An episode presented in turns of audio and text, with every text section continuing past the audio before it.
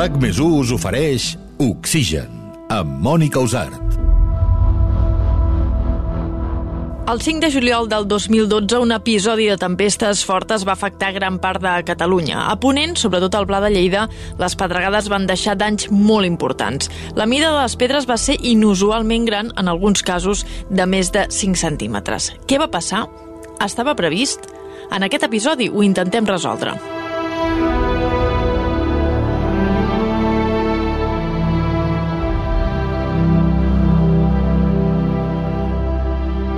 En aquest episodi, la pedregada de Ponent de l'any 2012.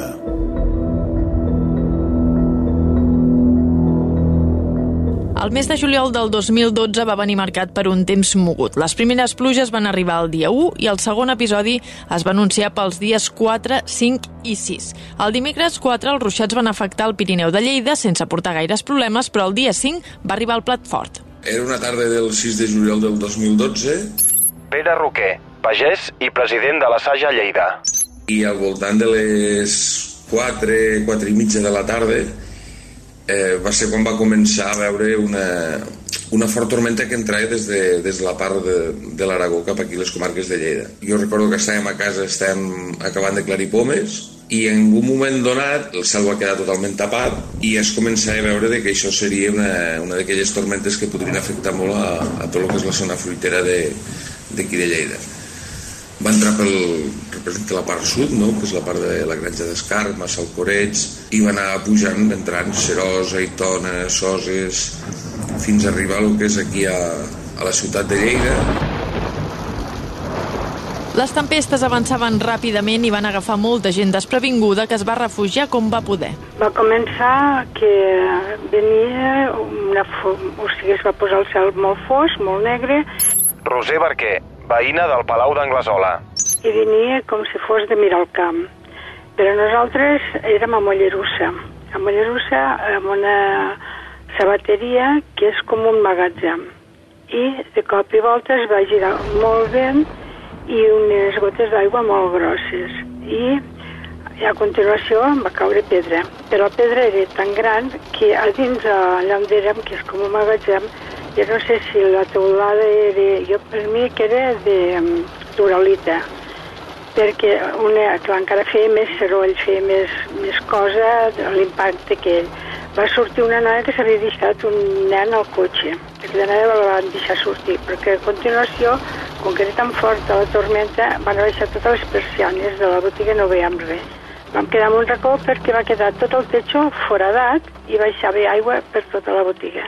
Una de les particularitats d'aquest episodi va ser l'extensió que va agafar el fenomen. Tenint en compte la zona, això podia suposar un nivell de destrosses molt elevat, tant de mobiliari urbà com al camp. I el curiós va ser de que, en vez de normalment aquestes tormentes, quan passa una mica a Lleida, al voltant de Corbins, Torlameu, eh, es desfan, i va ser de que l'evolució va continuar pujant, caient aigua i pedra, fins inclús a agafar tot el que és la zona del Pla d'Urgell, per acabar desembocant a, a la població de Pons, que si ho mirem des d'un mapa doncs estaríem parlant de més de 100 quilòmetres de, de llargada que va tindre aquesta tormenta, on l'afectació va ser de milers d'hectàrees, tant de la zona productora de fruiters com de la zona de, dels cereals. Penseu de que hi havia explotacions, sobretot a la part de la Noguera Alta, de que encara no havien segat els cereals i llavors va ser segurament una de les tormentes que més afectació ha tingut d'efectes de pedra i amb mides bastant considerables, fins al punt que a Mollerussa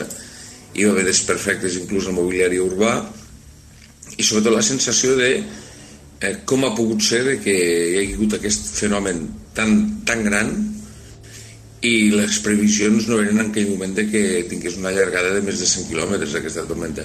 Jo penso que és una de les que més quilòmetres i més hectàrees ha, ha fet els últims anys, però amb una llargada tan gran no ho havíem vist mai.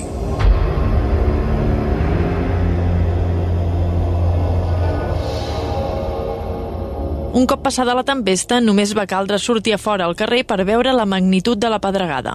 Va ser quan vam sortir que vam quedar bueno, tots, tots parats perquè semblava que hagués passat, no sé, com un huracà, perquè hi havia tot el terra ple de fulles, tot moll, els cotxes, bueno, tots, tots bunyegats, fos, el cel tot fosc, i al moment de pujar el cotxe per vindre a Palau, perquè nosaltres som de Palau, de Palau d'Anglesola, el, el seient de l'acompanyant perquè agafava el cotxe el meu marit, tot ple de vidres. No era del davant ni del costat. D'on poden vindre aquests vidres? Doncs venien del vidre del darrere. Va quedar tot trencat, a petits trossos, entre el seient del darrere i el meu, o sigui, el de l'acompanyant. Bueno, llavors, tal com vam poder, vam vindre cap a Palau. A Mollerussa, els, els semàfors anaven tots amb intermitent, bueno, no sé, fer tot un impacte. I a mesura que anàvem venint cap aquí a Palau, el que és les finques, perquè llavors hi ha, hi ha camps de, de plantat, de, hi havia panís, hi ha, hi ha fruiters, i ha, cap a Mollerussa va ser més fort. Llavors, a mesura que anàvem cap a Palau, no es ve, també va pedregar, però no va ser la intensitat de Mollerussa. Oxigen.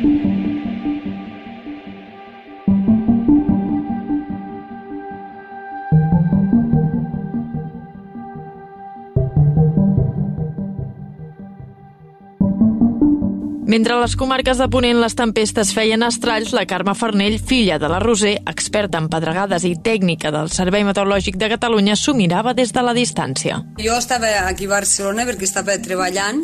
Carme Farnell, tècnica del Servei Meteorològic de Catalunya. Era l'estiu sí, i tenia una feina a la tarda que era anar a Barcelona Televisió i sé que mon germà em va trucar perquè era moment d'anar a collir pomes i em diu, hosti, mare del Carme, està molt negre diu que pedregarà i dic, home, sí que hi ha bastantes tempestes, hi havia tot de nuclis convectius cap a la zona de les Garrigues, cap al Matarranya, i sí que es veia que podien arribar, però vaig dir, bueno, tranquil, perquè encara estan lluny. Però va ser, pues això, agafar el metro, mm, res, 5 minuts, i em truca ma germana i diu, Carme, està tot trinxat. I hòstia, això tornava de la feina. Llavors, ràpidament vaig arribar a casa, em vaig connectar, i sí, sí, ja havia passat, la tempesta anava amb una velocitat increïble, anava molt ràpid, que era una tempesta aïllada i bueno, això ràpidament ja estava cap a la Noguera, per tant ja havia creuat el Pla d'Urgell. Com en moltes situacions de tempesta, els nuclis poden ser molt localitzats i deixar-ho tot trinxat en un poble i, en canvi, al del costat no caure ni una gota. Nosaltres el camp que tenim... Roser Barquer, veïna del Palau d'Anglesola. El tenim a la part de Linyola, que és terme de Poal, i a la part que és terme de Bellvís. I aquesta pedregada no va afectar molt poc allà, perquè a mesura que anàvem venint cap aquí a Palau, sí que havia pedregat, però no va ser el que va fer Mollerussa. Mollerussa, a mirar el camp, la part de l'altre costat, allà hi va pedregar més. Cada episodi meteorològic que vivim ens ensenya coses noves i ens dona informació que de cara a pronòstics futurs ens pot ajudar. Per aquest motiu, persones com la Carme Farnell s'acosten al lloc dels fets per valorar la seqüència. És important anar-hi de seguida per valorar els danys abans que ningú modifiqui.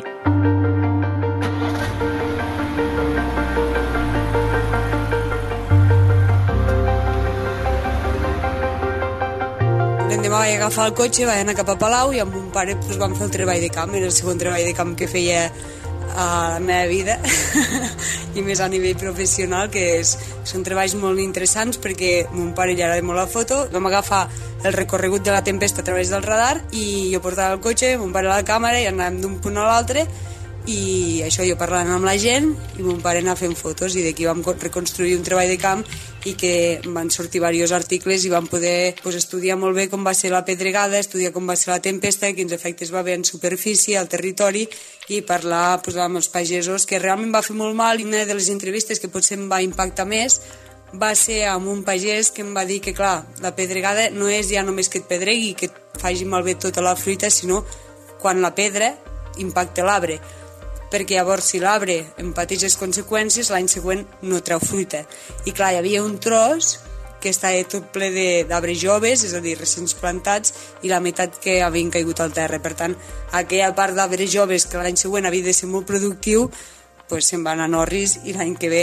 bueno, l'any següent, van haver de tornar a plantar. Va ser aquesta una pedregada històrica? Parlant amb la gent del poble, amics, família, bueno, vaig veure que les conseqüències van ser terribles. Mirant l'estadística, ha sigut la pedregada més severa que hem tingut allà al Pla de Lleida, sobretot a la zona del Pla d'Urgell, perquè el 17 de setembre del 2007 en vam tenir una que va ser que van caure 5 centímetres, que aquesta sí que em va agafar el, amb el cotxe anant cap a Palau, em va agafar l'autovia, vam haver de parar, i aquesta havia sigut la més severa, però teníem 5 centímetres de diàmetre màxim registrat i aquesta va ser de 7 i la veritat és que va fer molt mal perquè també per l'època en què va caure, perquè també és diferent que et caigui cap a finals de setembre, que sigui encara tens poma per collir, però en què llavors, el 5 de juliol, està, hi ha molta fruita per collir, tota la poma i part de la pera, que és la majoria de fruita dolça que nosaltres tenim planta de la zona del Pla d'Urgell.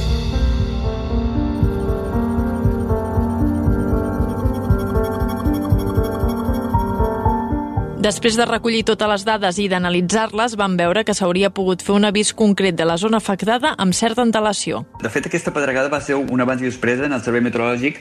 Tomeu Rigo, tècnic del Servei Meteorològic de Catalunya. Uh, durant el treball de, de, de la tesi de la Carme Farnell, uh, vàrem, vàrem anar analitzant episodis antics i, òbviament, aquest, uh, per, perquè la Carme és d'allà i li interessava aquest tipus d'episodis, el vàrem tornar a regenerar i vàrem veure que en aquest cas la, va ser una tempesta tan violenta, tan intensa, que es pogués pogut avisar pràcticament en dues hores d'antelació que hagués passat. Sabem que per al, que pel pagès aquest temps no és, no és suficient, vull dir, no, no, no, no li mitigarà l'afectació la, a la collita, però sí que, per exemple, eh, són conscients de que, per exemple, si un, un pagès sap que, que pot haver una pedregada en dues hores, serà capaç, doncs, per exemple, de recollir tota la maquinària que no es vegi afectada.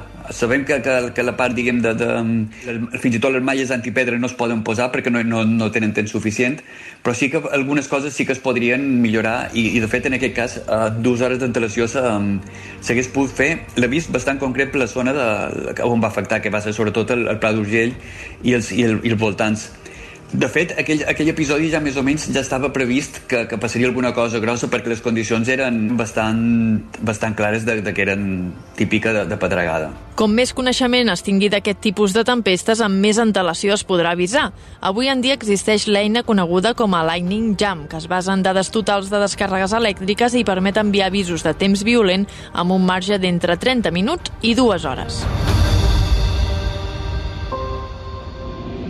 Oxigen.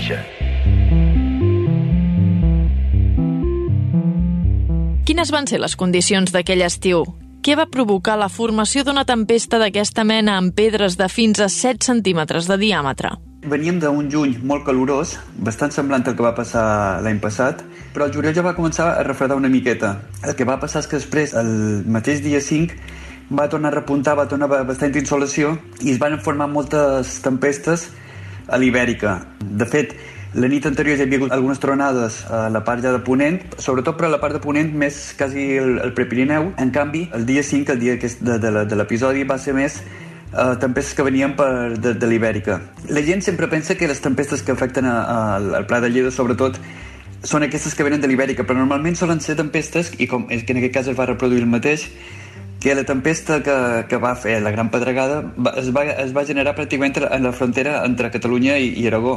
I aleshores, a partir d'un conjunt de tempestes, que més en l'insolació que hi havia, la calor, línies de convergència, van fer que tots aquells ingredients eh, acabessin fent amb inestabilitat, perquè ja també ja era una mica previst que hi hagués instabilitat, varen ajudar que es, que es formés aquesta, aquesta tempesta. Segons Rigó, aquesta tempesta va tenir un moviment anòmal. Normalment les tempestes es desplacen d'oest a est i en aquest cas es va desplaçar de sud-oest a nord-est i en certs moments tenia un moviment més aviat cap al nord. I a més a més va tenir una durada d'unes 3 hores, quan normalment són tempestes que duren entre mitja hora i una hora. Davant d'aquest escenari, els pagesos de la zona es podien protegir d'alguna manera? L'element principal de que cobreix les explotacions agràries avui en dia de, dels efectes de la tormenta de pedra Pere Roquer, pagès i president de la Saja Lleida. és mm, sobretot el tema de tindre-ho tapat, el tema de les malles. El que passa que les malles a les explotacions agràries pues, suposen un cost sobreafegit que després dels últims anys amb el, la greu crisi preus que hem tingut és molt complicat de, de poder acabar assumint. Estem parlant de quasi entre 15 i 18.000 euros per hectàrea. Aquí sí que et garanteix que la producció la continuaràs tenint. Amb altres aspectes que he vingut fins fa 10-15 anys, no. O sigui, per exemple, al seu temps hi va haver el que eren lo, els coets, que servia de, de hidrur de plata, que continua pedregant igual. Ara s'ha començat a fer alguns experiments amb el que són eh, l'execució d'ultrasons per fer desfer les bromes però que científicament no estan comprovats i per tant mm, penso que la inversió que hi ha al darrere de gairebé voltant de 50.000 euros no és la profitable i per tant l'única que ens queda és el tema de les malles, el que passa que clar, la mitja de que nosaltres tenim aquí a les comarques de Lleida són al voltant de 10 hectàrees, si un país ha de fer una inversió entre 150.000 i 180.000 euros per tapar tota la seva explotació, és molt complicat tal, tal, després dels anys que venim amb la greu crisi de preus que tenim. La pedregada va enganxar gent al camp recollint fins a l'últim moment. Tot i això, l'afectació va ser extrema. La mitja va ser d'un 70% d'afectació a totes les hectàrees de, de la producció de fruita i, i cereals que quedaven per recollir, en la qual cosa vol dir que era una massificació de danys econòmics tan gran que ha sigut una de les vegades que Agroseguro més ha pagat el que són les tempestes d'efectes de, de pedra. Altra cosa és el que ens ha passat aquests últims anys amb el tema de les gelades, però en pedra era una de l'afectació que més se va pagar al seu moment, que també va comportar una caiguda de més del 70% de les contractacions de les persones que estaven en aquell moment treballant o que havien de començar a treballar en que la recol·lecció de la campanya de la fruita, que evidentment això també marca després de que tu aquells mercats que esperen aquella fruita aquells mercats han de tornar a buscar una altra, una altra aportació de, de fruita i per tant de cara a l'any següent depèn del mercat que hagi assumit aquella fruita que tu no has pogut portar t'està fent una competència directa i per tant te, li està garantint amb aquell consumidor, sobretot de lo que és el nord d'Europa, aquella fruita que està demandant en aquell moment.